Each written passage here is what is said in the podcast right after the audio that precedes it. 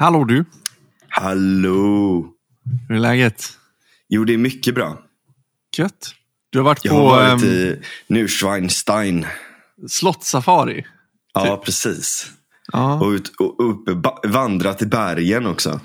ja, de har ju riktiga berg där nere alltså. På riktigt. Ja, det har de. Ingen jävla tramsfjäll som vi har i Sverige. Alltså det är så mäktigt. Mm. Vi var uppe Ja. på, ehm, de har väldigt sexuella namn på bergen. Aha, Mm. vadå? Zugspitz, sugspetsen Okej, till exempel. Wank heter också ett berg alltså, okej. som ligger där. ja, vad fint, vad vackert. Så eh, ja, det, det är ju tyskar, de är ju perversa. Ja. Eh, men, men väldigt, väldigt fint också. Ja, Eh, och så- extremt. Jag såg, jag såg bilder på det, det var väldigt, väldigt fint. Ja, jag får väl lägga upp lite på Instagram också. Jag har blivit så dålig på det på sistone. Ja, men Instagram är ju, alltså det har ju helt dött ut för mig. Alltså jag lägger upp eh, poddavsnitten varje vecka, men det är ju typ ingen som bryr sig. Nej. Det är Det ju, kanske inte är bara en främsta arena där. Nej, det tror jag verkligen inte. Alltså jag, Instagram vet fan om vi ska ha kvar ens en gång. Alltså. Jag. Jag tycker att det är så... ehm, eh, jag glömmer alltid bort att lägga upp grejer där. Men det är ju så, jag liksom ointressant. nästan, men när jag väl gör det får jag ganska mycket respons där. Liksom. Ja. Eh, och ibland får man liksom nästan kritik för att man inte har lagt upp någonting där. Aha, är det så? Får du det? Ja men lite så här, så här typ, vad gör, så här, det går inte att hänga med i vad du gör. Kan inte du lägga upp mer? Så, Har du sådana dedikerade followers i ditt liv? nej men vänner alltså. Ja, Det. kan man väl också kalla followers på sätt och vis. Men... Ja, jag alltså, nog- riktiga, köttvärldsvänner liksom. Ja, precis. Jaha, så folk Ehm. är så intresserade av vad du gör på dagarna att du måste lägga upp fler bilder? Har inte du nära vänner som, som bryr sig om dig? Nej. jag är inte på den nivån tror jag. I sådana fall Nej, ringer de okej. och säger tja, vad har du gjort på sistone? Fast jag tillhör ju Okej. en lite äldre generation än dig Ja, kanske. precis. Det kanske är det som är grejen. precis. Ja. ja.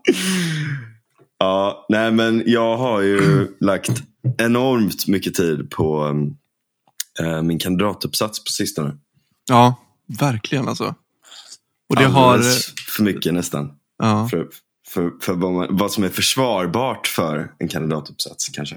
Är det så? Hur mycket, hur mycket har du lagt ner? Alltså hur mycket lång tid har det tagit menar du? Alltså det, jag började ju i april, Mm. tror jag. Typ. Maj kanske, ish. Mm. Ehm, men sen, sen har det varit liksom, jag har jobbat och gjort lite allt möjligt sånt under tiden och sådär. Men ehm, Ja, jag blev varit sommar, klar. liksom. Ja, precis. Och så har jag flyttat till ett annat land och allt möjligt och sådär. Men ehm, jag blev klar nu i ehm, september faktiskt. Mm. Men det är väl inte så, alltså om man tänker att eh, sommaren har varit i vägen liksom. Eh, så hur lång tid brukar det ta, alltså hur lång tid brukar man ha på sig att skriva en kandidat? Är det, Alltså typ en och en halv månad. Ish. ja det är inte längre, jag trodde att det var längre. Okej. Det är en 15 poängskurs. Ja okej. Mm, Liksom. Ehm, tekniskt sett.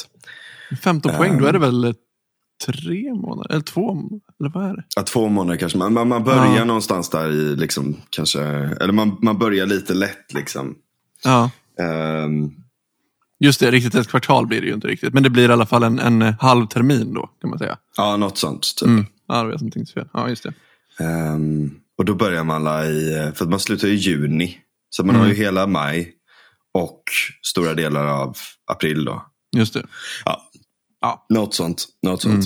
Ehm, hur som helst så, ehm, så tog jag på mig ett helt eh, galet eh, uppdrag att skriva om... Eh, alltså jag, jag har liksom varit väldigt intresserad av ehm,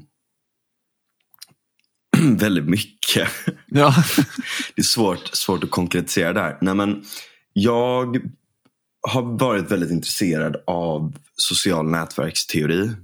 Mm. Nätverksteori i allmänhet. Mm. Och, Och vad, eh, alltså, vad, vad är det mer konkret? För jag försökte, jag försökte förklara det här för min mamma i, igår. ja, och det har jag också eh, försökt. Ja, för hon... Och, Nej, men hon alltså, det, det tog ett tag i alla fall. Ja, nej men alltså man kan se det rätt. Det finns rätt enkla sätt att se det. Så här, vad är ett socialt nätverk? Kan man säga då från första början. Mm. En, en familj. Du och din mamma har ett socialt nätverk. Eller ni är en del av ett socialt nätverk som är er familj. Mm. Ehm, och din mamma kanske är din mamma. Nej, ehm, det är, där, där kan man ju prata då om, i, alltså i ett nätverk så kan du ha starkare kopplingar och svagare kopplingar till en annan nod. Mm. Det vill säga att ehm, och det, det kan också vara så att det är starkare från ett håll till ett annat. Liksom. Typ, ehm, I natt så drömde jag att jag satt och pratade med Elon Musk och drack mm. uh, bärs efter en festival med honom. Mm. Det är sådana såna drömmar jag har. Liksom. Ja. Ehm, Inte bara när du sover. nej, precis. Ehm, och då kan vi säga att här, jag har ju ett starkare band till Elon Musk på sätt och vis än vad han har till mig. Ja. Eh, för att han är en stark nod som skickar ut väldigt mycket information. Och eh, har mycket inflytande och så vidare. Så där. Och jag tycker han är fascinerande. Så jag följer honom ganska mycket. Vilket innebär att han skickar ut information. Som, men han har ingen aning om vem, vem jag är såklart. Han skulle ju liksom inte drömma om att han var på en festival med mig. Även om man borde. Eh, men, men jag menar, i, i, om vi tar fallet då med dig och eh, din mamma så har ju ni väldigt starkt band till varandra båda två. Mm. Och ehm, alltså nu kommer jag få sån jävla töntstämpel inser jag här för att jag drömmer. Alltså en riktigt sån Elon Musk fanboy som drömmer om det. Men man kan inte riktigt styra om sina drömmar. Nej. Sluta mobbas. det är okej. Nej, men, ja. Nej men du och din mamma har ju ett väldigt starkt band till varandra. Mm. Du och, eh, och din tjej har ett väldigt starkt band till varandra. och sådär. Mm. Du har ett ganska starkt band till många vänner runt om dig och sådär också. Mm. Ehm, så att det kan ju vara liksom vänskapsband, det kan vara familjeband, släktband, ehm, eh, arbetsband så att säga. Mm. Musikband. Mm. Allt möjligt. Men det finns också svaga band då. Så att du har ju ett svagt band till typ eh, person, så här, de som har studion nedanför eller ovanför. Typ. Mm. För att du träffar dem ibland och hejar. liksom. Precis. Eller du har till och med ett svagt band till eh, kassörskan på din lokala butik. Mm. Och så vidare. och Så vidare. så att där, där kan man då se att i de här nätverken så, så, så är det ju inte bara det som är väldigt explicita sociala band. Utan de som du möter. Man, man kan till och med säga då att du har ju ett band, även om du går liksom till en eh, butik som du bara går en gång till och köper någonting av den personen. Så Mm. har du ju en interaktion i nätverket och en transaktion i nätverket. Just det. Mm. Och Det här kan man ju mäta då på, på massa olika sätt. Dels då, det finns ju den här klassiska, och det här är en viktig grej också, att det, ett nätverk är ju inte heller, ehm, det är ju inte bara du och en annan, utan du, det är du, en annan och den tredje och den fjärde och den femte som är kopplade till varandra. Och där pratar man ju till exempel om six degrees of separation som är en Just sån det. gammal Eh, Och den säger rätt mycket att så här, ja, eh, Filip och Fredrik har ju för övrigt testat den. Mm. Eh, Ska vi gå igenom den är bara för folk som inte fattar? Vad, eller, Jo, men jag, jag, tänkte, jag tänkte ta deras exempel just för att, för att det är så jävla roligt. Så att, Mm. eh, de får ett, ett, ehm, ett mission då. De ska hitta eh, Gordon Ramsay på sex steg. Det är Mhm. enklare då såklart att ta någon person som har mycket inflytande. Alltså, även om du hade kunnat fråga Gordon Ramsay om personen på den andra sidan. Mm. Eh, så hade du kunnat gå stegen tillbaka. Men det är såklart enklare att fråga åt, åt andra hållet då, till en känd person. Så att de droppar ner sig själva i någon jävla öken någonstans. Eh, och så frågar de, och så första bästa person de träffar, så här, känna, vi försöker att hitta Gordon Ramsay. Känner du någon som känner, ah, jag vet inte vem det är, okej. Så, eh, ja men okej, men känner du någon som har bra kontakt med folk som bor i USA?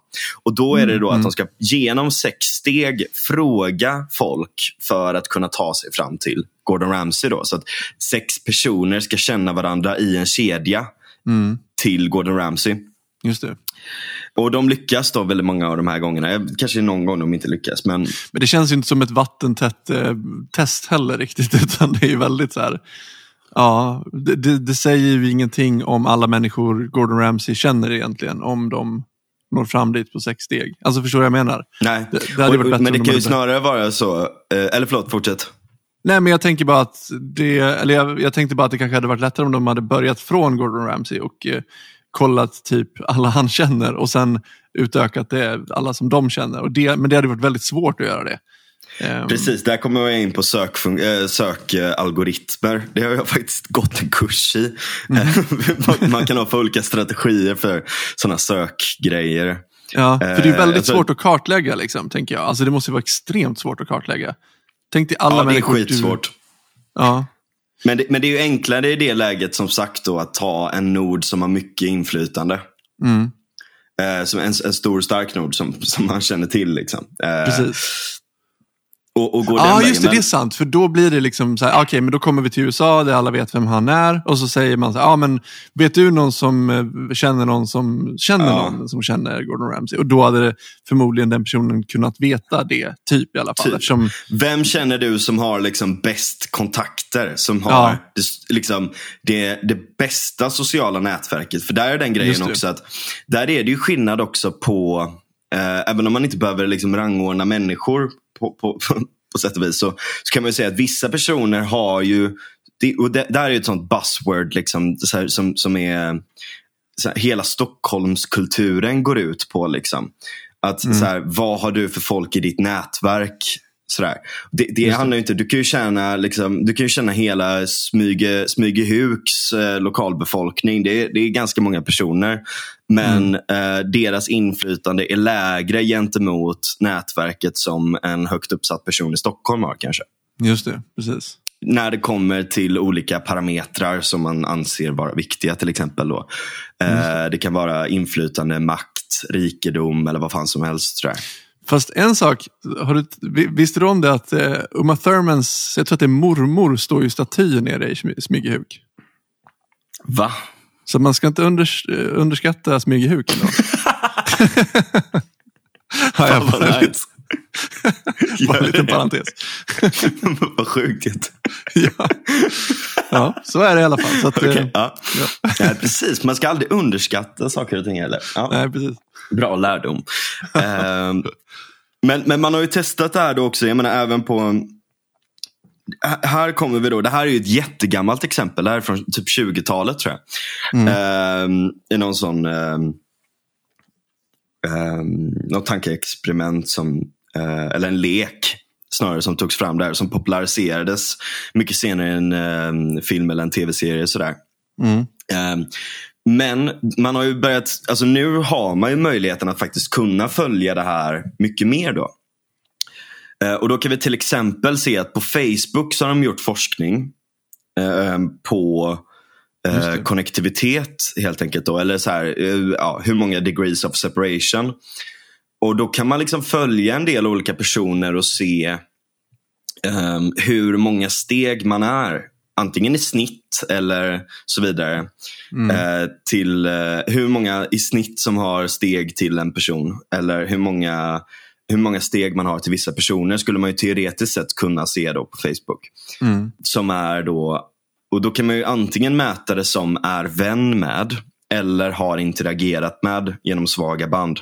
Mm. Men de har gjort då de har tagit ett visst mått av det här då, att man måste ha haft tillräckligt mycket interaktion, kanske till och med vän. Och sett att det är ungefär, jag ska dubbelkolla här så att jag inte säger fel nu. 2016 eh, undersöktes det här och det visade att medelvärdet på degrees of separation var 3,57. Oj, det är ju helt sjukt. Ja, Hur många- På Facebook då. Hur stor del av världens befolkning finns på Facebook? Jag tror att det är... Alltså det är lite svårt att mäta för att en del konton kan ju vara, alltså det är inte verifierade konton. Nej, precis. Så det är väldigt mycket troll. Eller trollkonton ska jag inte säga. För jag, ordet troll har börjat användas på väldigt många konstiga sätt. Så det är Ja. inte alls vad det en gång betydde. Men det är Nej, många verkligen. botkonton. eller vad man ska säga. Ja, precis. Vi kan säga så här, eh, 289 miljarder användare. Monthly Nej. active users.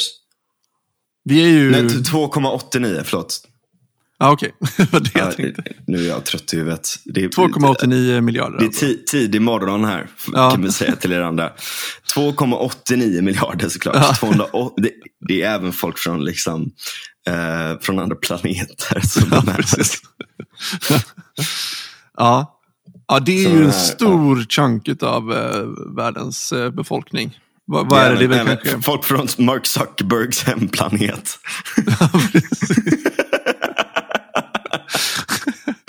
ja, men Okej, så det är ungefär mellan en, en tredjedel och en fjärdedel i alla fall.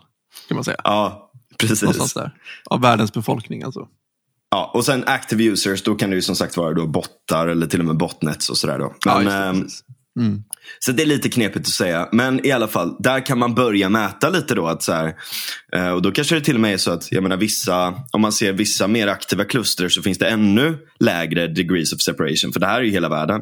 Så att Mm. steget liksom i Sverige är antagligen betydligt mycket lägre och sådär också.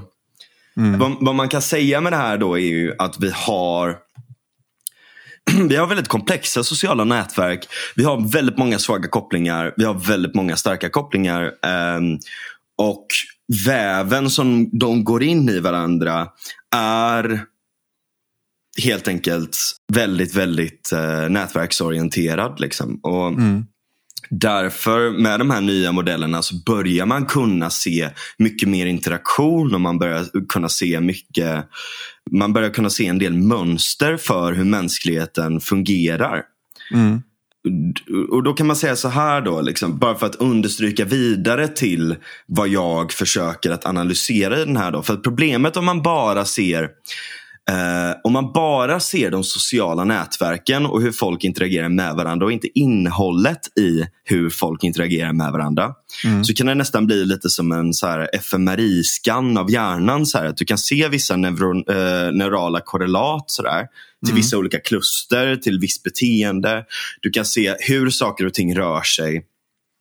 Men du ser ju inte exakt innehållet i vad det är som rör sig. Mm. Och det här blir ju liksom väldigt viktigt när vi pratar om sociala nätverk för att det är väldigt mycket information som rör sig mellan noderna. Om du till Mm. exempel då skulle undersöka, och det kommer jag gå in på lite senare, då, en mer avancerad form av det här. Men om du skulle undersöka hur en person har ett möte med en annan person så kan ju det mötet vara att man ses, tar en fika och har, eh, ses en timme och har en jätteintressant diskussion med någon. Mm. Eh, men på kartan så, så kan det se likadant ut som att du sitter i en vänt, ett väntrum med någon eller på ett café med någon som du inte pratar med. Just det, precis. Så att, så att du vet inte exakt det extent av en kommunikation eller en interaktion i nätverket bara genom att kolla på det här makroperspektivet av rörelsedata. Just det, precis. Och du kan Så- ha folk som interagerar på samma forum. Du kan ha folk som interagerar eh, på samma post på Facebook eller så vidare. Så vidare som Mm. inte har någon connection med varandra och som inte får kontakt med varandra heller. Liksom. Kanske till och Mm. med skriver, ehm, svarar på samma inlägg men inte svarar på varandra och sådär också. Så att Det är svårt att är mäta vikt- själva interaktionen. Kvaliteten, på, eller man säga, det kvalitativa. Eller vad säga. Man, Exakt. man är, ja, det är ju alltid det ständiga. Man är väldigt bra på Precis. att mä- mäta det kvantitativa men inte det kvalitativa. Okej. Mm. Och eftersom att jag är kognitionsvetare så, så började jag fundera på det där. För att jag har funderat väldigt mycket på eh, vad innebär egentligen den här algoritmiseringen av mänskligheten? Vad innebär egentligen att vi har de här stora verktygen just nu? Eh, vad innebär Kinas enorma möjligheter med hur mycket information och sådär de har?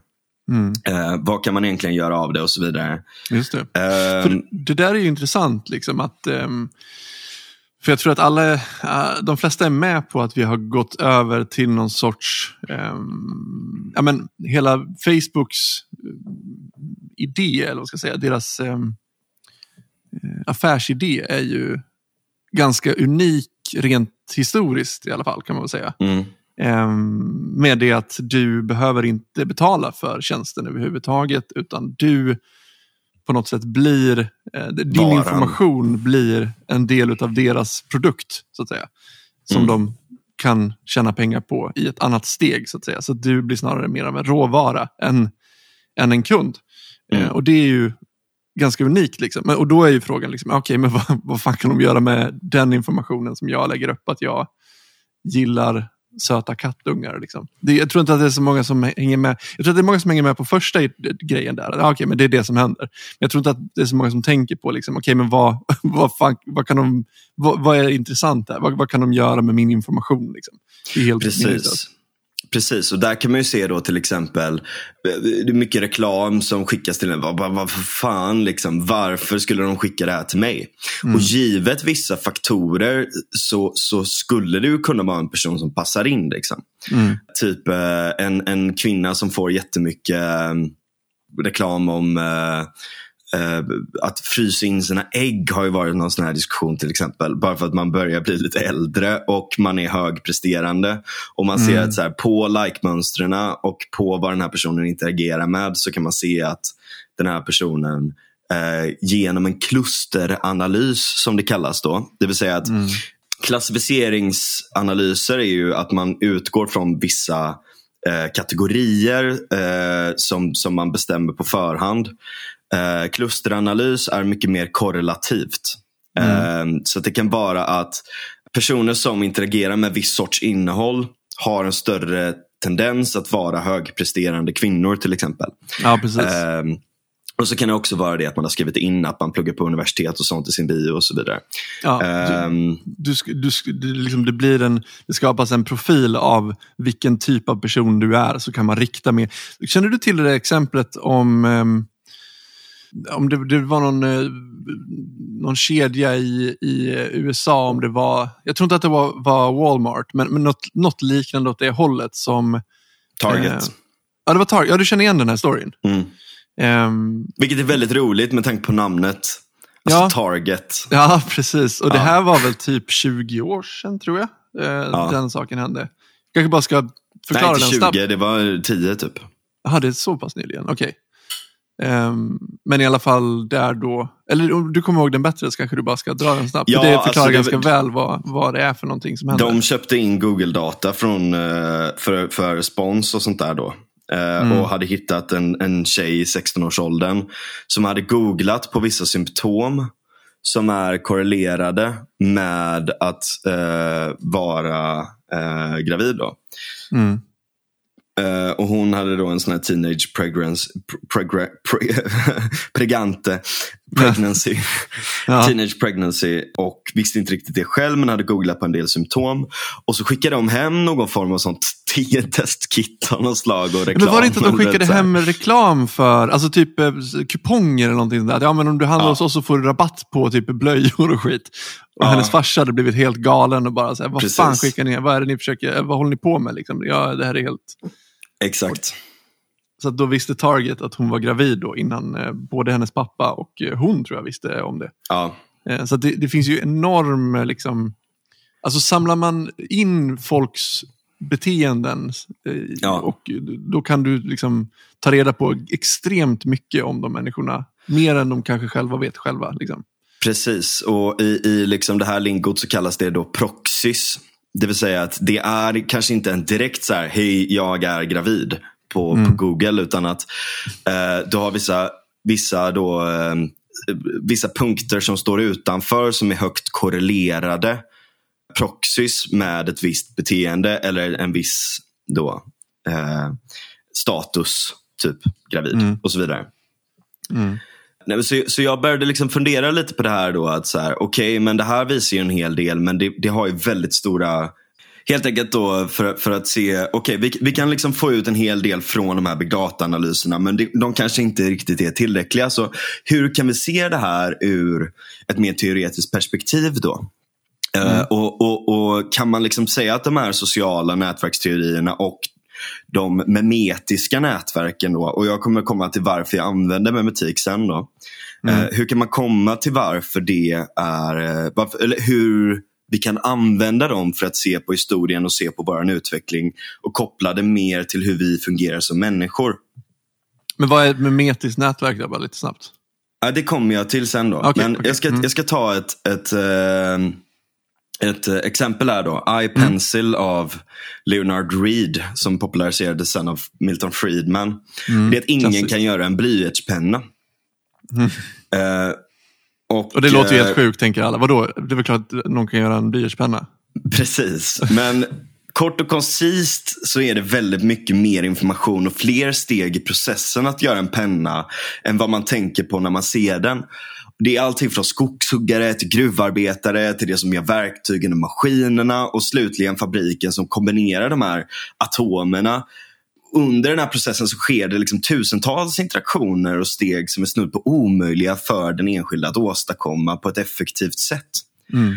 Det är ju, jag menar, du, för att kunna hugga ner träd så måste du ha någon som gör verktygen. Och sen måste du ha någon som ritar maskinerna. Du måste ha någon som opererar maskinerna. Du måste i moderna företag ha HR och du vet, allt möjligt. Ja, mm. det, det, är ju väldigt stora processer som, som sker för att få ihop allting till slut. Mm. Och om vi dessutom adderar faktumet att vi måste äta samtidigt så blir det jävligt mycket svårare. Ja. Ehm, för det, är ganska, det krävs ganska mycket. Ehm, och ganska mycket tid bara för att kunna äta själv.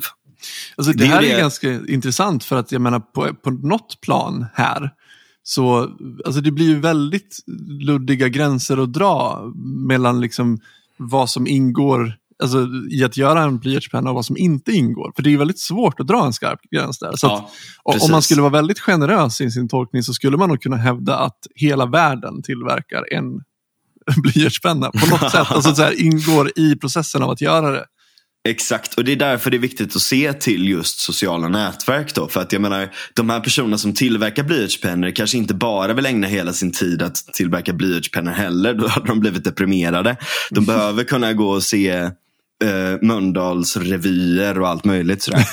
Eh, jag vet inte riktigt vilka som vad de har för preferenser. Jag dömer inte.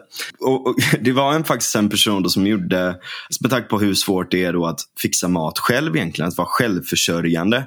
Så han skulle mm. göra en macka bara då. Mm. Uh, och här, här kan vi se då att storskal, liksom ett, visa varför storskalighet i matproduktion också kan vara ganska bra. För han födde upp, det tog ett halvår och kostade 1500 dollar för honom. För att han var ju tvungen att då, eh, så vete, föda upp kor för att mjölka. Han hade en bikupa för honung, gjorde egen ost och smör, slaktade en kyckling och odlade egna grönsaker och allt möjligt. sådär. Mm. Uh, How to make everything heter den då. Mm. Uh, och, och, den visar ju ganska tydligt på att så här, ja, det krävs jävligt mycket och förr i tiden så distribuerade ju vi produktionen så att de flesta hade farmar. De fick lite överskott som de kunde sälja och byta till sig till andra verktyg och så vidare. Mm. Men det var en rätt ineffektiv organisering av eh, produktionen och ekonomin. Och här kommer vi in då på komparativa fördelar genom arbetsdelning. Att det finns ibland eh, en, en, så att säga, fördel med storskaligt lantbruk. Mm. Inte minst när man har maskiner som kan effektivisera en stor del av arbetet och göra att man inte behöver lika många personer som manuellt går och gör det. Då. Mm. Där kan man ju se då, en kort passus som jag faktiskt inte har med i uppsatsen är det här, Lewis Mumford har en väldigt intressant perspektiv på det här. Att innan vi gjorde vanliga maskiner så lärde vi oss att bli maskiner själva och organisera mm. oss som maskiner genom arbetsdelning. Precis. Eh, och Komparativa fördelar är rätt intressant då, bara för, för er som inte har koll på det begreppet. Det kan vara så här, eh, jag tar en timme på mig att göra en yxa och tre timmar på mig att göra ett spjut. Daniel tar två timmar på sig att göra en yxa och två timmar på sig att göra ett spjut. Då mm. tjänar ju jag på att göra yxor och Daniel tjänar på att göra spjut och så byter vi dem med varandra. Precis. Eh, även, och även till och med så att under den tiden så kan jag ju specialisera mig på att göra ännu bättre yxor för att jag bara fokuserar på det. Så då kanske jag till och med drar ner tiden och ökar kvaliteten på mina yxor över tid. Det här har man ju kommit på också att även om du skulle vara bättre Säg att du skulle göra en yxa på en timme och ett spjut på en timme. Och för mig så är jag sämre på båda två. Det tar två timmar för mig att göra både en yxa och två timmar för mig att göra spjut.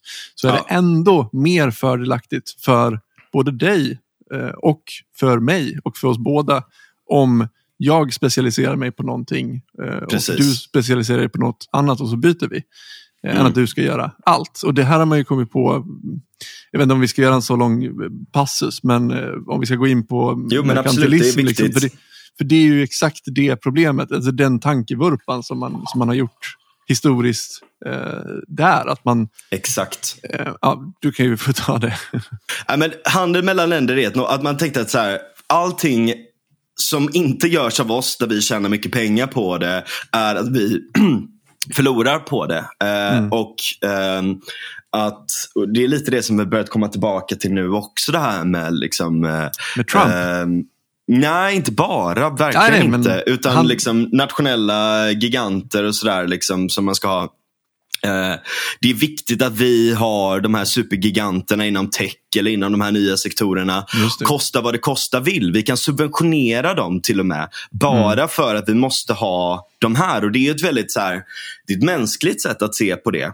På det Mm. sättet. Just för att det är det man ser. Men om man Mm. till exempel pratar om Bastiats exempel på det här då. Så måste man också beräkna det man inte ser. Och det man inte ser är externaliteterna av det här. Om Mm. vi puttar in massa resurser och subventionerar eller förbjuder andra från att agera så förlorar vi väldigt mycket arbets eh, vi förlorar väldigt mycket effektivitet på det helt enkelt. Han har en sån gammal eh, eh, och han har en sån gammal eh, tankeexperiment, då, liksom, eller så här, satirisk text där alla gemensamt inom eh, ljusindustrin, allt från lamptillverkare till eh, stearinljus till eh, eh, ol eh, oljelampor, du förstår, har, har gått ihop i en petition till den franska regeringen för att förbjuda solen eftersom att det är oschysst konkurrens. Ja, det, går inte att konkurrera med solen. Men, men då måste man ifrågasätta, okej, men behöver vi göra det eller är det någonting, ett problem som redan är löst? Exakt, precis.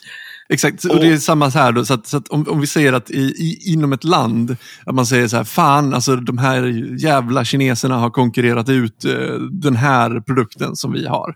Så Ja. vi måste liksom putta in jättemycket pengar i det här och bygga, liksom, börja konkurrera med dem. Det, det är en dum idé, för det är, ju, det, är ju, det är ju bra då i sådana fall att de gör någonting som är bättre än vad vi gör. Och då kanske det är bättre att vi fokuserar på att göra någonting annat som de kan ha nytta av. Och så kan vi byta istället för att vi ska Precis. konkurrera. Alltså konkurrens är alltid bra, såklart. Eh, Men det bör ju ske på en, ett naturligt plan och inte någonting som man försöker kontrollera. Utan då är det bättre att man försöker göra någonting annat då i sådana fall. Precis. Men det finns en djupare och viktigare poäng i de här sakerna också. Att nu ser vi ju bara till akten av att producera någonting. Det är väldigt materialistisk tolkning av världen. Mm. Och Alltså alla de här sätten att förädla resurser till pennor, selektionsprocesserna för mer näringsrik och effektiv matproduktion, ner till själva behovet av en penna överhuvudtaget har spår hundratusentals år bak i tiden. Mm.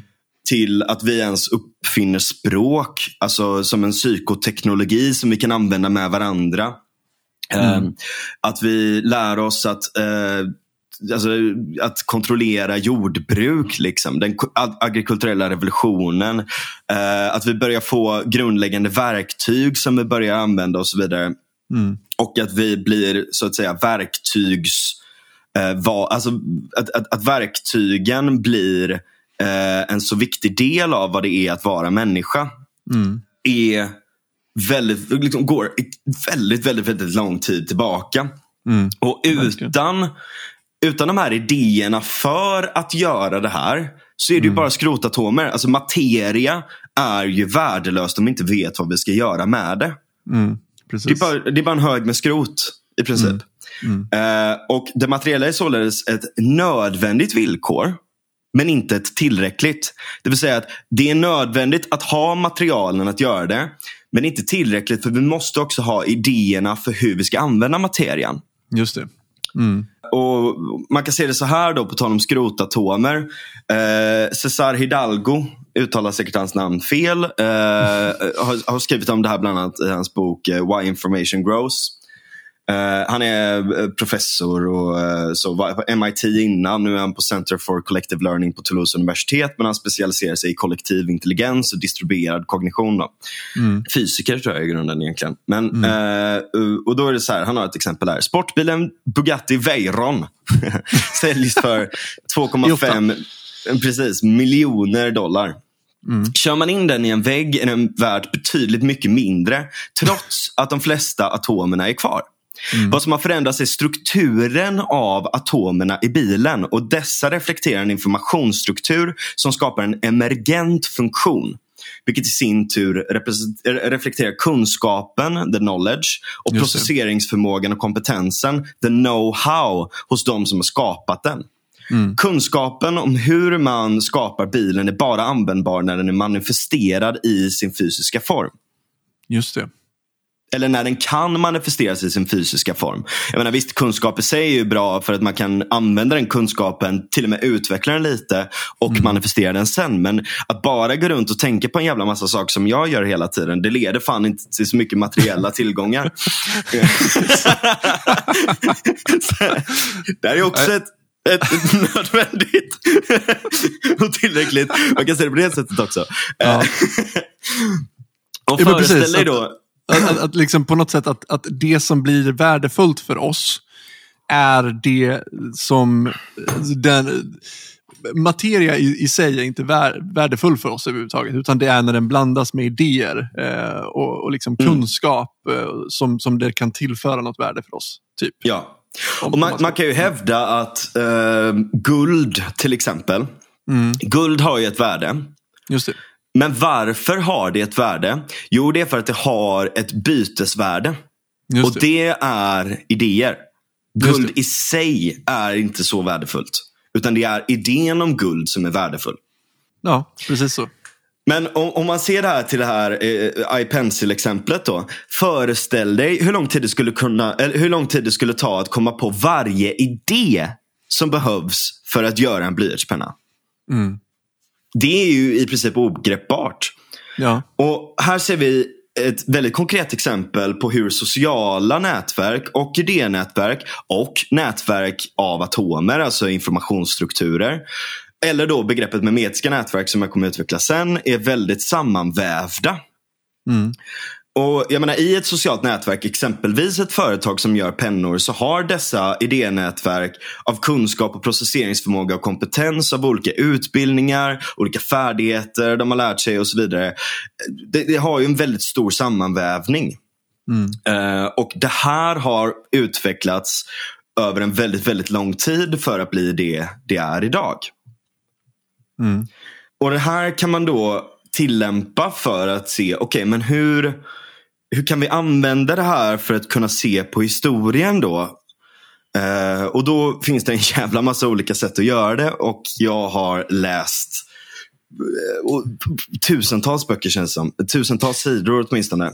Eh, eh, runt, runt olika historiska skeden men också runt olika sätt att se på det här. Och jag kom fram någonstans till att det bästa sättet man kan se på det är ju genom kulturell evolution. Exakt. Det är exakt vad det är. Mm. Ja, För det påminner om evolution, alltså i den bemärkelsen som, som evolution sker överhuvudtaget. Det är ju också någon form av nätverks... Liksom, det, det är ju ett nätverk. Och sen är det Mm. olika saker som, som formar vad som blir ett, eh, en, en, en ny idé eller så vidare. Så det här är ju precis det. Det här är ju kulturell evolution, kunskap. precis. Mm. Och där kan man också se då att vad vad är det egentligen som, som skiljer här? Det är ju inte att Okej, våra hjärnor har, vi, har, vi har fått lite bättre hjärnor, väldigt mycket på grund av näring. Men i viss mån också kanske på grund av att vi använder vår neocortex mycket mer effektivt än vad vi gjorde förr. Eh, Alltså vår så att säga nya, mer formbara hjärna eh, som kan utveckla specialiserade funktioner. Mm. Jag menar, en inlärd process att göra någonting är ju en, så att säga, det är ju att vi aktivt går in och bygger om våran hjärna Mm. i dess formbara eh, delar för att kunna specialisera oss på att göra en syssla. Vare sig det är att förädla materia eller eh, prata eller tänka ut stora vetenskapliga teorier eller det ena och det andra så, så har ju vi tagit kontroll över våran hjärnas utveckling. Mm. Och det är inte bara någonting vi har gjort själva utan någonting vi har gjort med i, i förhållande till tidigare information också. Mm. Och här kan man då börja prata om ett eh, om, om memetik helt enkelt. Då. För att vad är memetik egentligen? Mm. Det är ju att idéer följer helt enkelt eh, evolutionära principer.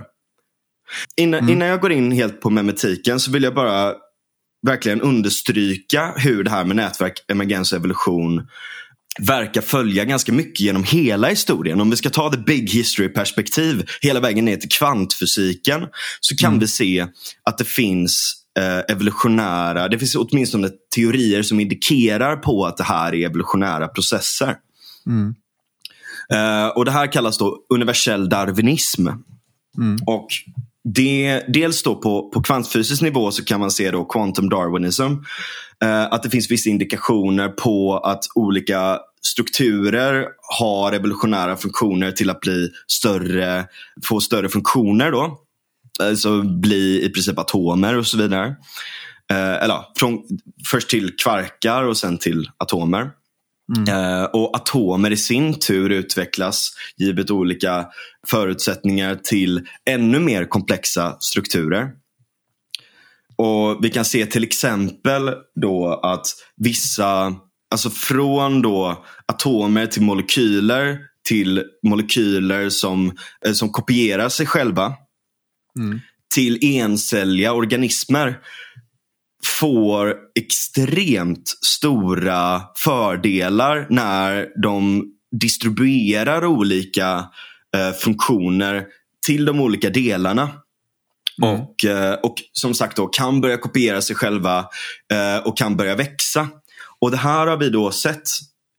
Eh, om vi följer det här så kan vi se många av de här trösklarna som man går över i princip.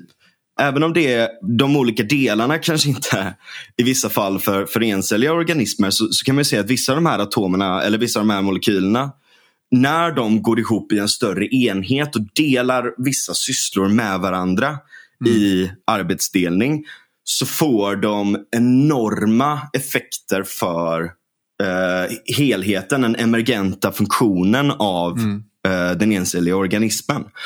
Och går vi upp till eh, växter, går vi upp till djur och så vidare så kan vi se ännu starkare effekter av det här. Mm. Och, och det kan man dels se då, man, man, man kan se det dels utifrån kooperativa fördelar. Man kan också se det utifrån som en viktig del av det här då, eh, cheater detection eller eh, freerider problem. Att man har olika sätt att eh, få, få alla delar att bidra till den större helheten och överkomma liksom, sånt som bara drar ner organismen. Det är sånt som selekteras bort över tid då helt enkelt. Mm. Och går vi vidare till den mer mänskliga biten av det här då så kan vi ju se att vi har ju haft otroliga, alltså med tanke på hur människan har tagit över planeten och nästan tagit den i ett jävla punggrepp. Eh, så kan vi ju se att vi har ju haft enorma såna här trösklar på vägen dit. Mm. Och vi har ju också de här emergenta funktionerna. Det är ju inte bara det att vi som en enskild organism gör någonting. Eh, utan det är ju att vi kan koppla ihop oss i sociala emergenta strukturer som Mm. tillsammans kan göra saker.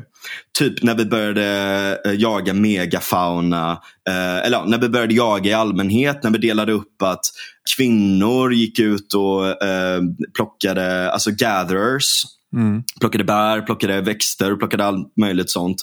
Medan de mer starkare männen gick ut och jagade kött.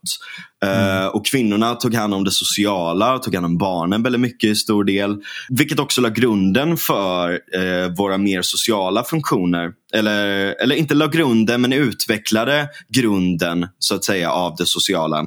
Så kan vi se att olika kluster av olika stammar har utvecklats under den här perioden eh, genom att distribuera kognition, inte bara till andra personer i nätverket, utan även till objekt som har hjälpt oss. Verktyg och så vidare. Och här kommer memes in då. Att memes utvecklas ju också, den här kulturella evolutionen som skiftet från att vi bara utvecklas som de här emergenta funktionerna i flock och, och så vidare. Eh, som, som emergenta strukturer som kan, som kan samarbeta. Har ju även gått över i den här kulturella evolutionen med en social emergens som skapar idéer som kan distribueras i nätverket. Just det. Och det är också, jag menar, det är också en väldigt viktig del här för att de verkar också fungera evolutionärt. Vissa idéer dör ut, vissa fortsätter. Och den här, alltså det här är ju någonting som myntas först då av Richard Dawkins eh, 76. Men eh, alltså begreppet eh, memetik då. För jag tänkte lite grann på the selfish gene eh, när du pratade om det här. Mm. Ehm, för det blir ju väldigt... ehm, det, det, det sätter saker lite grann på sin spets när man ser det här makroperspektivet. Då, att allting är en, ehm, liksom, mer eller mindre ett samarbete mellan olika små saker som blir, bildar större saker och så vidare. Och så vidare. Och om man ser det från absolut liksom, lägsta nivån så att säga så, så skulle man kunna se det som att att en människa är egentligen bara en, en samling en eh, samling gener man ska säga, i grund och botten som vill olika saker. Så att man skulle kunna se människan som en som en, ehm, En maskin för... ja exakt, en maskin för, för, för gener att, att se, se till så att de får sina intressen tillgodosedda. Vilket är oftast att, att sprida generna. då. Precis, och det är ju egentligen det som Richard Dawkins skriver om då i The Selfish Gene. Ja, för det var den du var in, det, där det kommer ifrån, just det här med Precis. Ja, just det. Och där är det ju då att, alltså han pratar ju om kin selection eh, kontra reciprokal altruism. Det vill säga att egentligen om vi bara, om vi har själviska gener eh, som bara vill sprida sig vidare och utvecklas. Eh, Så, så borde det inte vara rationellt för oss att, vara, att ha reciprokal altruism med andra. Då, det vill säga I scratch your back, you scratch my back. Typ. Eh, eller jag har fångat ett byte nu. Det här bytet kan inte jag äta helt själv. Så jag delar med mig till andra personer. I princip jag lagrar maten i andra personer. Så att de nästa gång, när de fångar ett byte, ger tillbaka. Mm. Det är ju en ekonomi i princip, fast på en väldigt, väldigt rudimentär nivå. Mm. Och eh, då kan man se att på grund av att jag släpper lite nu så tjänar jag i framtiden på det. Mm. Och hela gruppen tjänar på det. Och på grund av att hela gruppen tjänar på det, att jag släpper lite på det här. Så gör det att eh, gruppen kan utvecklas och bli bättre och bättre över tid. Vilket gör att jag i slutändan får det bättre. Det är ju dels då väldigt, väldigt eh, fysiskt. Eh, men, men också om jag är någon som bidrar mycket till gruppen så kommer jag få en högre social status. Vilket innebär att jag kommer att få en bättre partner. Vilket innebär att jag kommer få bättre barn. Om man ser det rent evolutionärpsykologiskt. Eh, det är vissa som inte gillar de förklaringarna men vi får tänka på att vi pratar nu om alltså, hunter- hunter-gatherer-samhällen som är väldigt, väldigt gamla där vi inte riktigt hade normkritik. Och. Eller vi hade ju normkritik eh, i, i, på en väldigt grundläggande nivå såklart. Jag menar, eh, Normer kommer ju någonstans ifrån. De, det finns en gene, genealogi till normerna också såklart. Eh, men, men där kan man ju verkligen se det då att det är under den här perioden som vi börjar få sociala hierarkier också och vi börjar få olika funktioner, alltså hövdingen, de som är mer eh, starka och slåss. Eh, vi får shamanen som folk samlas runt. Eh, som, som både ger spirituell vägledning och är medicinman och, och, och håller ritualer som binder samman gruppen och sådär också. Men jag tänkte gå in lite på det sen med Heights eh, eh, Hive Psychology. Då. Mm. Eh, kanske blir så att vi får dela upp det här i två avsnitt. Ja, men det kan vi väl göra, absolut. Det kan vi faktiskt göra. Mm. Men i alla fall memetik då. Nu, nu kommer vi äntligen fram till det här. Ja. Så jag ska bara förklara det för alla som inte riktigt hänger med här. Memes har en viss fitness. Dels hur de kan spridas och överleva men också hur de ökar fitness för personer som bär på idén. Vilket också ökar chansen att den sprids. Mm. Det. Eh, det vill säga att den, den använder en hel del darwinistiska principer för hur den fungerar och där blir ju människan i princip substratet eh, från, från eh, latinets substrata, alltså underliggande eh, stratan som den spelar på. Jag menar på samma sätt som eh, just nu så, så har vi massa mjukvara i datorn som eh, spelar på hårdvaran av datorn så är vi hårdvaran till idéerna som är mjukvaran. Just det. Mm. Och det här, det här kan vara liksom den här analogin, eller den här mimen rättare sagt. Förlåt. Mm. Mimen kan vara svårförstådd eh, men väldigt effektiv. Eh, det kan vara en formel, det kan vara en teori eller en verklighetsbeskrivning. Och Den har ett väldigt starkt förklaringsvärde eller hur den kan skapa fitness. Det vill säga det kan vara svårt att göra ett visst verktyg och det kanske bara är vissa som kan det. Vissa som mm. lär sig att göra det. Men den kan vara väldigt, väldigt stark på det sättet. Så att den fortsätter överleva fast det är ett mindre kluster av människor.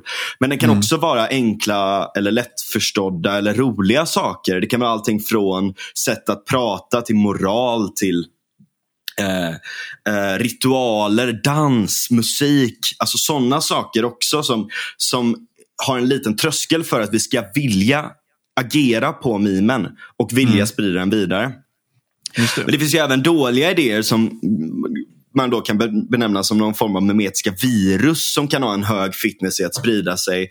Även om deras sanningshalt är låg och resultaten leder till ett dåligt beteende eller mående eller är skadliga för gruppen och så vidare. För att Man kan ju intala sig själv att någonting är bra utan att veta exakt dess konsekvens. Mm. Och Det här beror på att vi inte riktigt alltid förstår de kausala banden till en idé, till ett beteende, till en konsekvens. Mm. Uh, och Daniel Dennett som är en uh, professor i, i kognitionsvetenskap och väldigt så här, mm. i, i mina kretsar, eller våra kretsar, så uh, är han poppis. Då. Han, han ser ut som tomten. han ser ut som tomten verkligen. Han är liksom tomt, kognitionsvetarnas tomt. Är det många som ser, ser ut som tomtar? Men det är en sån här rolig grej. Jag har sett några så föreläsningar med honom för många, många år sedan. Då, då brukar han liksom så här, ta upp en bild på Darwin och så säga att så, här, så brukar han dra något skämt om det. Typ att så här, ja, det, var, det var ju tydligt vilket håll jag skulle dra mig i livet. Typ, och så Precis. Ja. Ja, men han, är, han är lite modern Darwin där kan man säga. Att han har mm. gått vidare och utvecklat memetiken rätt mycket. Uh, framförallt i hans uh, senaste bok 2017, eller en bok som han släppte 2017 som heter From Bacteria to Bach and Back. uh, Snyggt. Där han då pratar om memes. Och han har ett rätt intressant begrepp här som han säger är competence without comprehension. Det vill säga att vi har kompetensen att göra någonting utan att förstå helt och hållet dess extension. Man kan även ta det i kantianska, kantianska termer som tinget i sig och tinget för oss. Eh, eller beteendet i sig eh, och beteendet för oss och så vidare. Att vi, vi, vi, har inte en full förståelse, framförallt inte back then, exakt vad det är för någonting. Jag menar, man hade ju inte någon form av eh, så här, grundläggande teori om varför, utan det var snarare eh, att göra. Eller bara liksom eh, kompetens helt enkelt. Då. Mm. Vi förstår helt enkelt inte vidden av någonting. Vi vet inte att vi agerar efter något eller vad dess konsekvens är. Men vi har fortfarande kompetensen att agera efter det. Mm. Uh, och uh, här kommer vi in då på att väldigt, väldigt mycket mer på den här analogin, analogin med att vi är i princip på, på sätt och vis då substratan till idéerna i att uh, våran hjärnastruktur, våra neuro, neuroner i sin isolation kan inte förklara, eller våra neurala nätverk i hjärnan i sin isolation kan inte förklara nivån av intelligens vi har idag. Utan det är ett resultat av mjukvara som vi byggt upp över lång tid. Mm. Då med metiska strukturer eller minplexes och kulturell evolution. Eh, I relation till då själva hårdvaran som är hjärnan. Mm. Uh, och Det finns andra som uttrycker det här också, till exempel Verveke från Toronto University uh, som kallar det här psykoteknologier som vi lär oss då. Till exempel språk som vi använder just nu är ju en psykoteknologi som utvecklats under en lång tid. Mm. Uh, men alla de här sakerna refererar ju egentligen i någon mening till samma process som skapar emergenta funktioner, det vill säga där helheten är större än de enskilda delarna. Utifrån en social nätverksinteraktion och som ständigt utvecklar sig evolutionärt genom alla aspekter från kulturella uttryck till vetenskapliga discipliner. Och Vi mm. är i den här bemärkelsen inte helt förprogrammerade maskiner, för då hade vi stannat där. Utan mm. vi är självprogrammerande maskiner. Just det. Ja, det är och, väldigt viktigt att, att förstå. För, för, det blir ju lätt att man tänker ganska snabbt här att men man blir lite så deterministisk på något vis om man tänker att vi bara är en, en konsekvens av allt som har hänt innan. typ. Men vi, precis, är ju men vi också... har ju agens. Ja, ja precis. Um... Så vi skapar ju, vi är medskapande hela tiden också. Liksom. Mm. Ju, och, mm. och självprogrammerande här är ju inte bara, alltså, det är en bred bemärkelse. att Vi själva kan ju påverka det vi gör. Alltså, om vi går och, och gör någonting på egen maskin så att säga väldigt, väldigt mycket så blir vi självprogrammerande i det beteendet. Men vi är mm. också självprogrammerande på den här högre nivån av social interaktion. Just det. Um, och här kan man konstatera att vissa av de här memetiska byggstenarna då eh, måste ha en kausal början i någon form. Mm. Uh, en observation som har kontemplerats, något som har fått ett namn, en händelse som har beskrivits. Eller, alltså helt enkelt en form av grundidé eller rotmim. Mm. Uh, och uh, ja, man kan se det här utifrån 'competence without comprehension. Att många saker och ting som är de här rotmemesen är sånt som var ganska nära oss. Typ uh, saker som människor kunde utföra utan att nödvändigtvis reflektera jättemycket och förstå över det. Typ läten och rörelser, eh, intuition eller tradition och ritualer och sånt där som vi började med. Det kan vara att man så här, visste med sig att en, eh, ett djur betedde sig på ett visst sätt utan att du nödvändigtvis kunde förklara det. Så kunde mm. du liksom peka och hålla på lite så här och till slut så lärde folk sig det utan att nödvändigtvis överföra det genom ett språk. Mm. Eller förstå exakt extensionen varför den betedde sig så. Just det. Um, och här blir en tidig form av det här religion, att det här är andar eller det här är uh, det, det, här är natur, alltså de här naturreligiösa förklaringarna för saker och ting. Då. Mm. Um, och, um, men över tid då så, så får vi mer såna här memes som vi kan lagra. Um, och dessutom med uppkomsten av språk så kan vi börja kombinera de här till olika saker. Dels kan vi kombinera dem i våra hjärnor men också mellan varandra och i princip låta idéerna knulla med varandra mm. för att få barn. Eh, eller ha, ha liksom väldigt så stora orgis. Liksom. Mm. Eh, och oh, jävlar! Nu spiller jag ut kaffe. Hur gick det? Det gick bra. Okej, okay, eh, jag fortsätter. Mm. Alltså när man, har, när man låter idéer ha sex, när det leder till nya mutationer eh, och när man har till och med stora orgies av att man sitter ner och diskuterar saker och ting långt och länge med massa olika idéer. Så mm. bildar vi ju strukturer med det här. Mm. Och Det vi kan se då på en ganska fundamental nivå vad som händer är ju att någon kan ju ha en idé om någonting. Mm. Eh, som den personen går och bär på eller som den har fått fram. sådär. Men om du inte kan överföra det till en annan person. Mm. Då dör ju den idén när du dör. Just det. Och den är inte heller lika effektiv. Om det bara är du som kan den idén så är det väldigt svårt att övertyga andra att mm. hänga med på den idén också. Just. Eh, för, att de fattar inte vad det handlar om. Alltså, du kan ju stå där så här. så bara, va? Fan, ja. babblar de liksom? Det, mm. det, händer ju ofta i livet också kan man säga. Mm. Eh, även även eh, nu för tiden. men bara lite mer sofistikerade sätt man kommunicerar på. Då. Eh, och det är, jag kommer gå in på så att säga de här sakerna lite mm, senare, kanske till och med i nästa avsnitt. Då. Eh, just processerna runt det här, för det har jag skrivit mycket om också. Då. Men vi kan bara tänka runt det här att saker, den, de här, den här informationen är inte någonting som lever i någon form av eh, platon, platonistisk idévärld. Så här. Det är inte dualistiskt utan det är någonting som väldigt, väldigt konkret måste lagras i oss. Ja, exakt. Mm, exakt. Ehm, och eh, om jag dör så dör mina idéer om jag inte har lyckats distribuera de idéerna till andra delar av det sociala nätverket. Mm. Och det här har ju hänt historiskt. Det, det, Ja, gud, det ja. kanske man bara ska ta upp liksom lite snabbt. Att, Mm. att, att så här, på den liksom, så sammankopplade som vi är nu för tiden har vi ju aldrig varit. Så att nu finns det ju sätt att bevara kunskap. Det har inte alltid Mm. varit så, utan tidigare så har ju det varit liksom att sättet vi har kunnat bevara kunskap, det är ju precis som du säger, dels i, i människor ehm, som Mm. för Alltså det var väl kanske det första då, att man förde idéer vidare liksom, muntligen till varandra och så vidare. Mm. Men, och sen, sen blev det mer avancerat och vi kanske byggde, liksom, vi uppfann skriftspråk och byggde bibliotek och så vidare. Sen när det biblioteket brann ner, vilket hänt, så liksom raderas hela kulturer ut. Liksom. Alexandria, Ja, rest in peace. precis. Exakt. Ja, exakt. Bra exempel. Ehm, ja men precis, det, och det, det är ju en sån jävla där är ju också då det som kallas då distribuerad kognition, att vi även kan distribuera kognition i materia.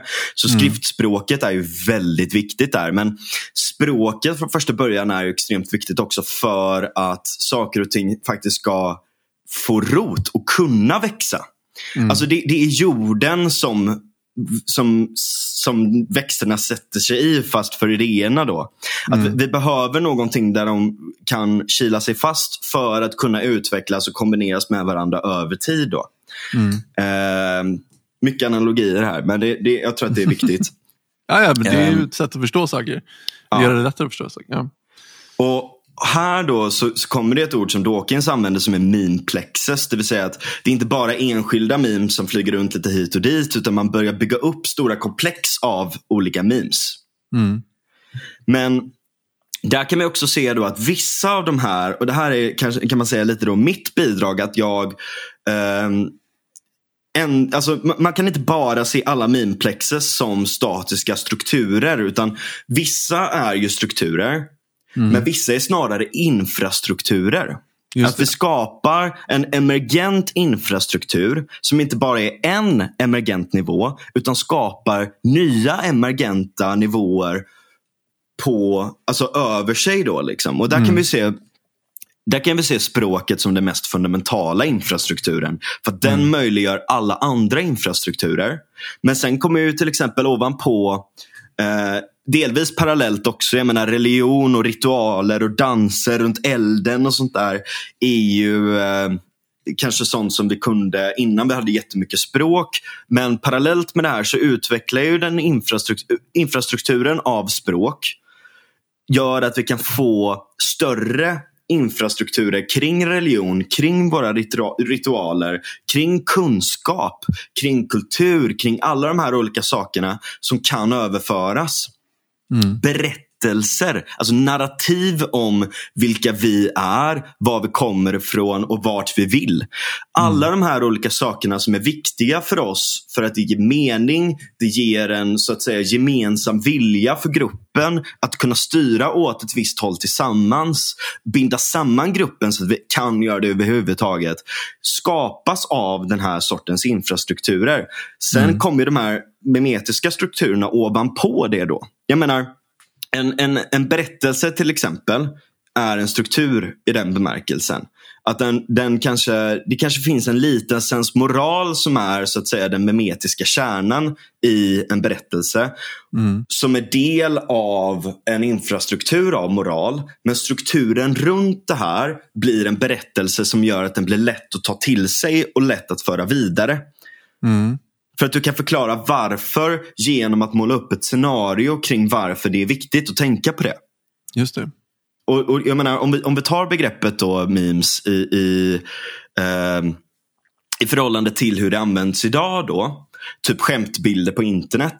Mm. Uh, vilket är lite kul faktiskt. För att det är Alltså, den, den har ju approprierat begreppet det här kommer ju från Forsan då. Att så här, ah, vad ska vi kalla de här olika grejerna som vi lägger upp och håller på med? Och så är det någon jävla nörd som skriver då. Ah, vi kan ju ta Richard Dawkins memes. Det är ju det bästa man kan använda. typ. Ah, okay. Och sen helt plötsligt så tar, eftersom att det är så effektivt med skämtbilder på internet, så mm. approprierar det det här nya formen, approprierar begreppet och visar därmed på styrkan i memetiken. Mm, just det. var väldigt roligt. Ja.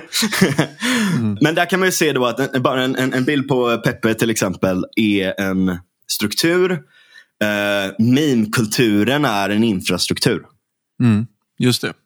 Men jag kommer att utveckla lite mer om det här med, med infrastruktur senare. Då. Men om vi går vidare då på, på memes så kan vi se att det är liksom dels undermedvetet. Mm. Alltså när vi sammanför idéer utan att helt kunna urskilja grundstenarna. Typ som en intuitiv känsla att vi får så här eureka moment helt plötsligt. Och det är ju väldigt mycket, det kan ju vara så här eh, eh någonting som man inte riktigt går och tänker på medvetet. Men eh, man har suttit och hållit på med någonting ett bra tag. Så kanske man går ut och tar en promenad och får säga ja just det, aha. Mm. Eller att man, man sover och så vaknar man upp och under tiden du har sovit så sitter ju, då håller ju hjärnan på att pussla ihop allting drrr, så här ja. under ytan liksom, och lagrar det i nätverket, konsoliderar det. Mm. Och sen när du vaknar på morgonen och, och, eh, så kanske det går ett tag, sen så går, kanske du går och tänker på det och då får du ett aha moment. Så att mm. Det är mm. väldigt mycket processering av information som sker under ytan undermedvetet hela tiden. då. En liten passus där som jag bara kommer att tänka på. Det är att eh, om, man, om man tar Terence McKenna bara som en liten eh, ja. passus. Han Let's känd... go! det gillar du. ja, men han är ju känd för att ha argumenterat för att eh, ja, men det är väl framförallt svamp eh, som han menar har haft en, eh, en påverkan på hur vi har utvecklats som, eh, som Stoned art. Ape Theory. Ja men precis, att, att, att, han tänker sig att vi har utvecklat våra hjärnor med hjälp av eh, liksom, svamp. Ja. helt enkelt. Och det är ju intressant om, om man studerar det du säger nu, mm. eller om man studerar hur svamp fungerar i hjärnan med, och, och kopplar ihop det med det du pratar om nu. Så det som händer det är att det, att, att det skapar mer konnektivitet emellan olika tankar helt enkelt. Det finns ju sådana som är, um, nu vet jag inte, jag kommer inte ihåg exakt vad det heter, det kanske du kommer på, men, men människor som kopplar ihop siffror och uh, färger mm, till exempel. Syntesi. Precis. Och, och, precis, så heter det. Och, och, Det är lite grann så svamp funkar, att det kopplar ihop saker i din hjärna som kanske inte nödvändigtvis är sammankopplade.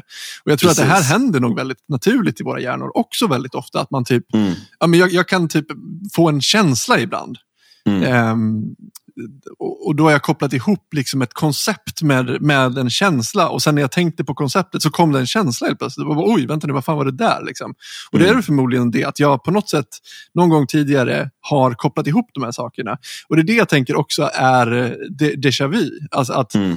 på något sätt, det skulle kunna förklara vad déjà vu är. Att man har kopplat ihop um, en, en händelse uh, med någonting annat. Alltså en känsla mm. eller ett koncept som man har tänkt kring eller någonting sånt. Någonting som har mm. hänt. Eh, man kanske har sett någonting samtidigt som man hörde, lyssnade på en podd när det var någon som sa någonting. Mm. Och sen när man eh, ett år senare eh, ser en liknande sak, då får man den, den tanken tillbaka i huvudet. Ah, nu börjar jag tänka på den här saken och det känns så jävla, just den här situationen känns helt plötsligt så, så bekant. Men jag kan ja. inte komma på var fan det kommer ifrån för att det finns undermedvetet där på något vis. Mm. Um, uh, bara tusen tankar som, som dök upp nu när du pratade om det. Har du fått en, har du fått en riktigt fet déjà vu någon gång? Ja, det har jag. ja. Alltså, jag vet inte hur mycket jag ska blotta av en så här spirituella för att folk tycker att man är så jävla flummig. Alltså. Mm. Men jag har en sån som jag verkligen inte kan förklara. Nu blir det väldigt mycket passus här men det är rätt intressant. Jag, mm. jag hade en dröm en gång. Um, Nej, vi skiter i det där. Skiter i det. Ja. Det är för personligt alltså. Folk, nej, men folk tycker man är så jävla flummig när man håller på så. Okej. Vi går in på schamaner istället. Det är Okej. mindre flummigt. Ja. Det, det är ju otroligt viktigt. Jag hade faktiskt ett stycke om det i, i min text som jag sen tog bort. Alltså jag, jag har ju skrivit hur mycket som helst och så är man ju väldigt begränsad. Då. Men just schamanens roll. För jag menar, de, om, om man nu ska följa någon form av Stone Ape Theory så, så är det ju väldigt mycket schamanen som, som är the Stone Ape. Mm. Mångt och mycket. Även Just om det var andra, eh, alltså så här, de som började. För jag menar, Joe Rogan har ju snackat mycket om det här. Eh, och nu är det säkert många som suckar eller många som bara ja. Eh, men eh, haft rätt intressanta diskussioner med folk om det här. Och ehm, Där kan man ju se då till exempel att när man började då, för att jag menar apor gick runt och testade det ena och det andra för att se, är det här ätbart? Eh, och så käkade man pyttelite och sådär. Och, och testade så här, åh nej nu blir jag jävligt dålig, vi ska inte käka mer av det. Liksom. Då måste de ju ha testat svamp någon gång uppenbarligen. Och det som är intressant med just psilocybin är att vid låga doser eh, psilocybin så ökar perception och eh, någon form av mindfulness nästan till, till omgivningen. Så här, att du blir väldigt mycket mer intresserad av detaljer eh, och mönster. Observera mönster. Pattern seeking som är också nätverks... Eh, alltså, mönster är ju nätverk kan man säga. Att man kopplar ihop Mm. olika saker. Eh, Men sen då om du tar en väldigt stor dos svamp. Då kan du bryta över till vad som i princip är ett drömstadie. Och till och med mer än ett drömstadie. Mm. Det förtjänar i princip ett avsnitt i sig för att förklara det. Eh, vi borde ta med någon expert på det tycker jag. Ja, Eh, tråkigt men att Terrence i- McKenna är död. Annars hade det varit Ja, kul. exakt.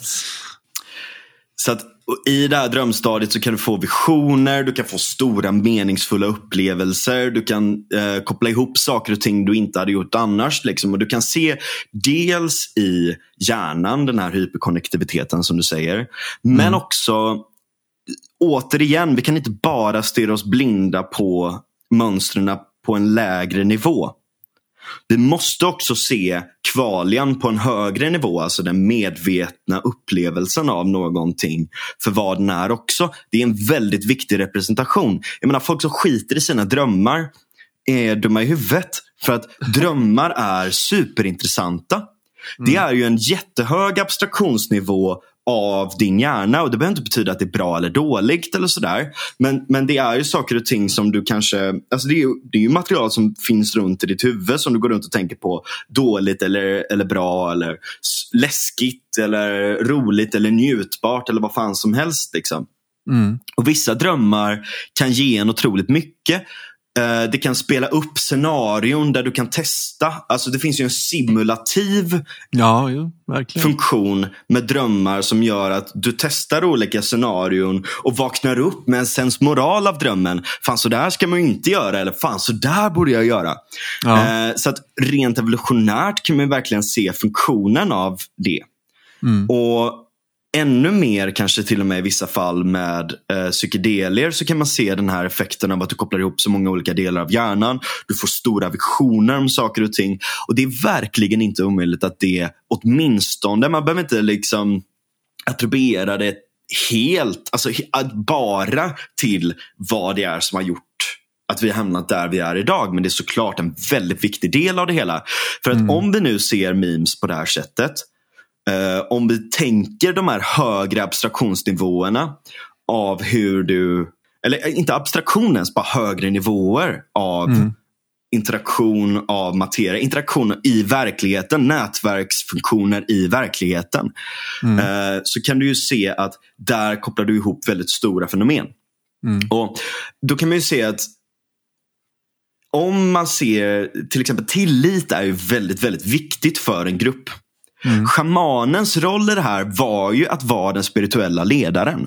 Mm. Och Det spelar en väldigt stor roll i hur mottagaren tar emot idéerna, processar, konsoliderar idéerna till sin världsbild och så vidare. Och Den här tilliten kan ju etableras på olika sätt. Genom titlar, du är hövding. Genom forskningsunderlag, du har testat massa olika mat eller massa olika växter och så här, gjort en empirisk studie på vad som kan ätas eller inte. Bara så här, väldigt tydlig empiri också när någon blir dålig eller när någon tycker någonting är gott. Så där. Mm. Uh, genom relationer, genom känslor och åsikter eller genom andra parametrar så kan du etablera tillit på olika sätt. Uh, mm. Och Det handlar ju del, det handlar ju till väldigt stor del om vilken uppmärksamhet man ger någon och hur väl man lyssnar. Det vill säga att du mm. har ett bias till en aktör med inflytande. Kulturell mm. kognition kallas det. Då. Mm. Och Det skulle jag kunna gå in på mer sen också. Uh, det finns väldigt, väldigt mycket att gå in på. Jaha, ja. Men en intressant aspekt av det här är Verveke då. Alltså, ni, ni fattar ungefär, eh, eller du fattar ungefär vad, vad jag menar med kulturell eh, kognition. Det vill säga om du har bias till en aktör med inflytande, kulturellt uppsatt i de här mm. strukturerna. Mm. Eh, och Om vi tar då schamanens roll i stammarna eh, så är ju han ett väldigt bra exempel på en stark och sammankopplande nod för det här lilla klustret av din stam. Det. Och det har funnits ett selektionstryck för schamaner. Just för den här ihopbindande kraften. Mm. För att han så, har fått... Om man ska dra en parallell så skulle man kunna se eh, ja, men till exempel musiker på olika sätt har ju, ja. har ju fått den funktionen. Eller eh, nu för tiden kanske det är mer ja, men typ Elon Musk för dig och för väldigt många människor uppenbarligen. Eller Joe Rogan för den delen. Ja. Alltså Det finns ju väldigt många sådana här personer som har blivit någon sorts schamaner i en modern tappning. Um, skulle man kunna säga så? Mm. Mm. Precis. Okej, okay. mm, det är ganska bra. Ja, ja, eh, mm. Jättebra exempel.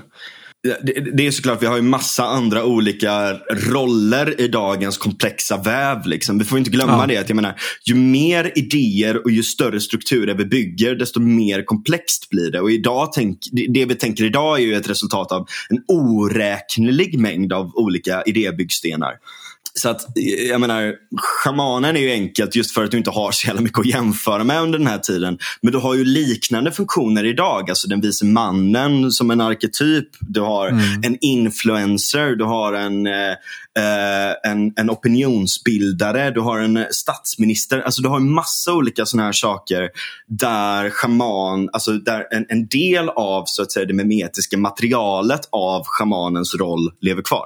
Mm, just det.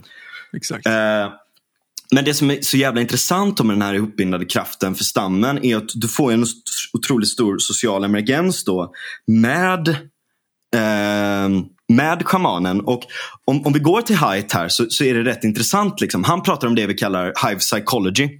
Mm. Det vill säga att vi har lite så här bin och myror i oss. Att vi vill gå ihop, vi går ihop i de här större emergenta strukturerna tillsammans. Liksom. Mm. Mm. och vi behöver ibland förlora oss till den här större emergenta strukturen genom ritualer, genom danser och sånt. För att bibehålla den här känslan av att vi är en större grupp, vi är en entitet tillsammans. Liksom.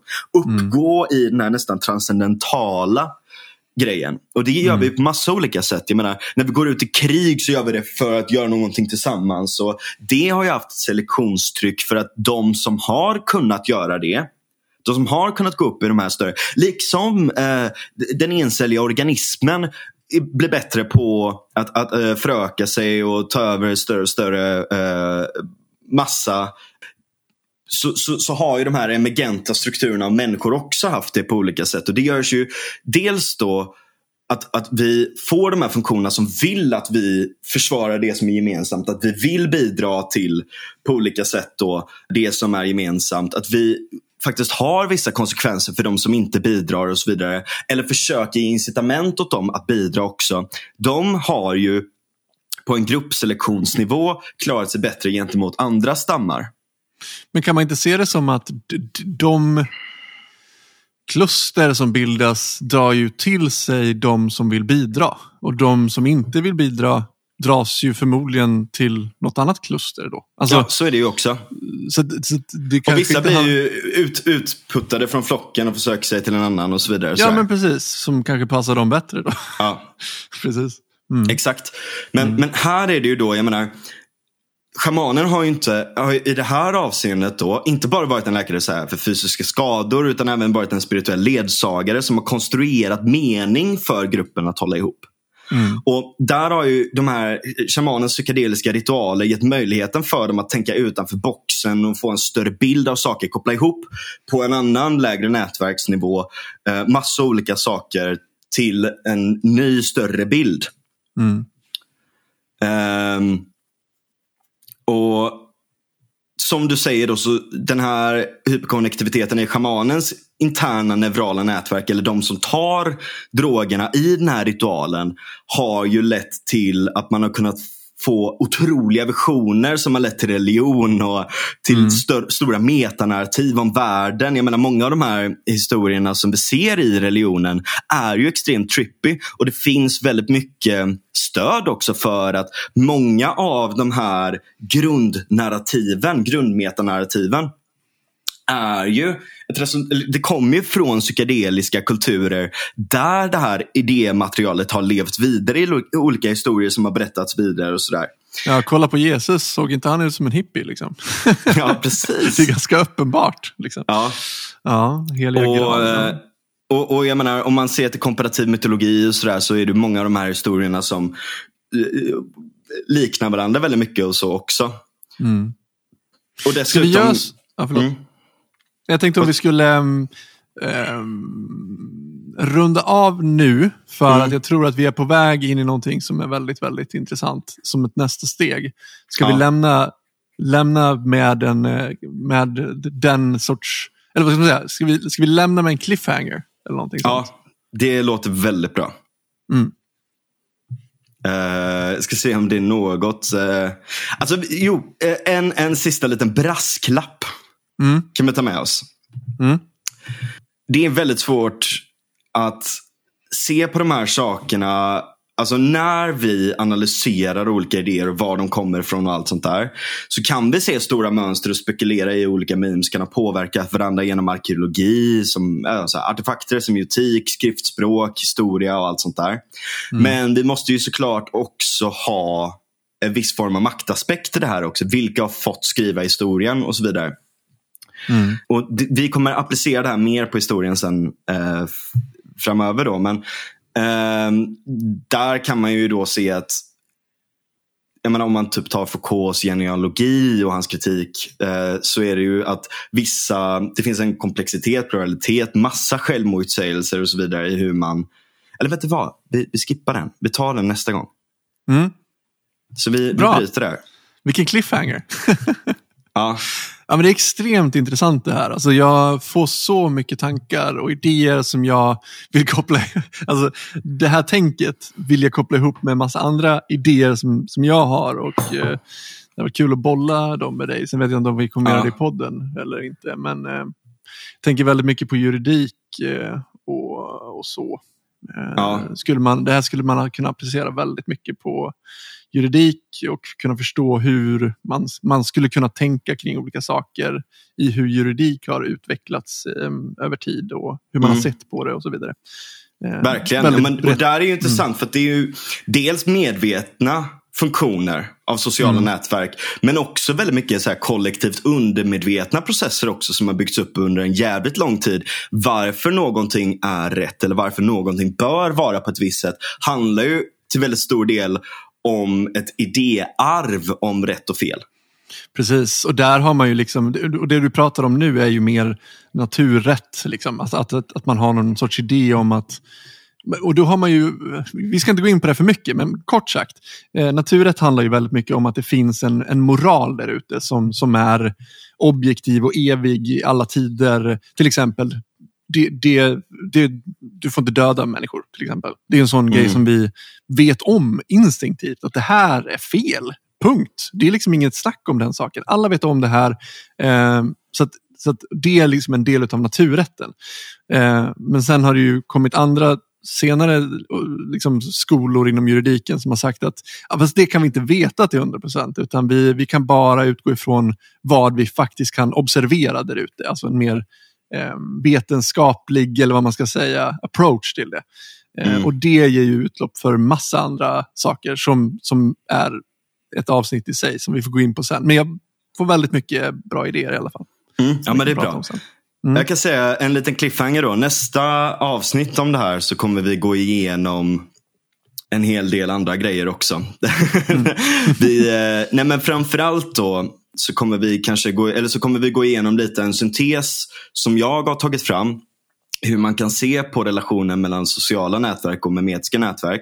Jag kommer gå in lite mer på att förklara så att säga funktionen och hur memetiska nätverk och memetisk infrastruktur funkar. Mm. Eh, och ta, applicera det här på mer eh, historiska exempel också. Just det. Eh, Dels ja, den tidiga, vi har varit inne på den tidiga människans utveckling lite, men jag ska ta lite mer saker som relaterar till det bästa vi vet, handeln. Mm. Eh, och gå vidare sen till massa andra saker också. Ja, verkligheten har ett liberal bias. Återigen. Precis. Precis. ja, ja, men gött. Tack för idag då. Ja, jag hoppas att det inte blir för, för hoppigt här. Nej, alltså jag tycker att du har varit eh, väldigt mycket tydligare nu när du faktiskt får lägga fram allting än vad du ja. kanske har varit tidigare när vi har kommit in på det i andra. För vi, det här har vi ju du pratat om tidigare i olika avsnitt. Mm. Eh, och då blir det bara ett snabb snapshot och det är inte säkert alltid att eh, du har lyckats vara så tydlig just där. Men just nu så känns det som att vi har haft tid att gå in på, på varje grej. Och jag, för, jag försöker verkligen tänka, alltså jag, jag, jag är ju ganska Eh, bekant med dina idéer och tankar här. Så att jag, men jag försöker ändå tänka in i att så här, vad skulle en person som aldrig har hört talas om det här förut fundera på i den här situationen och fråga dig då att Precis. utveckla det här. Liksom. Så att jag, ja, jag, jag, hoppas eh, det har varit tydligt för dem, de som har lyssnat och eh, skriv ja. till oss annars, för fan. Så får vi ta upp det i nästa avsnitt. Jag gör det. Och, och, om, om ni vill ha lite, om, om ni känner så här, shit jag vill veta mer om det här nu. Fuck varför fucking uh, slutar ni nu? Uh, så kan ni få lite hemläxa till nästa gång. Uh, sök på Jonathan Haidt, Hive Psychology och sök på Daniel Dennett From Bacteria to Bach and Back. Mm. Jag vet att de har gjort bland annat föreläsningar för Google och sånt som är superbra verkligen. Så det, det, det kan vara en bra sån, för lite se det som vi har pratat om idag i relation till en del av teorierna bakom och så kommer vi gå vidare på vidareutvecklingen det, av det nästa avsnitt. Mm, grymt. Tack för idag. Tack för idag. Ha det gott. Ha det.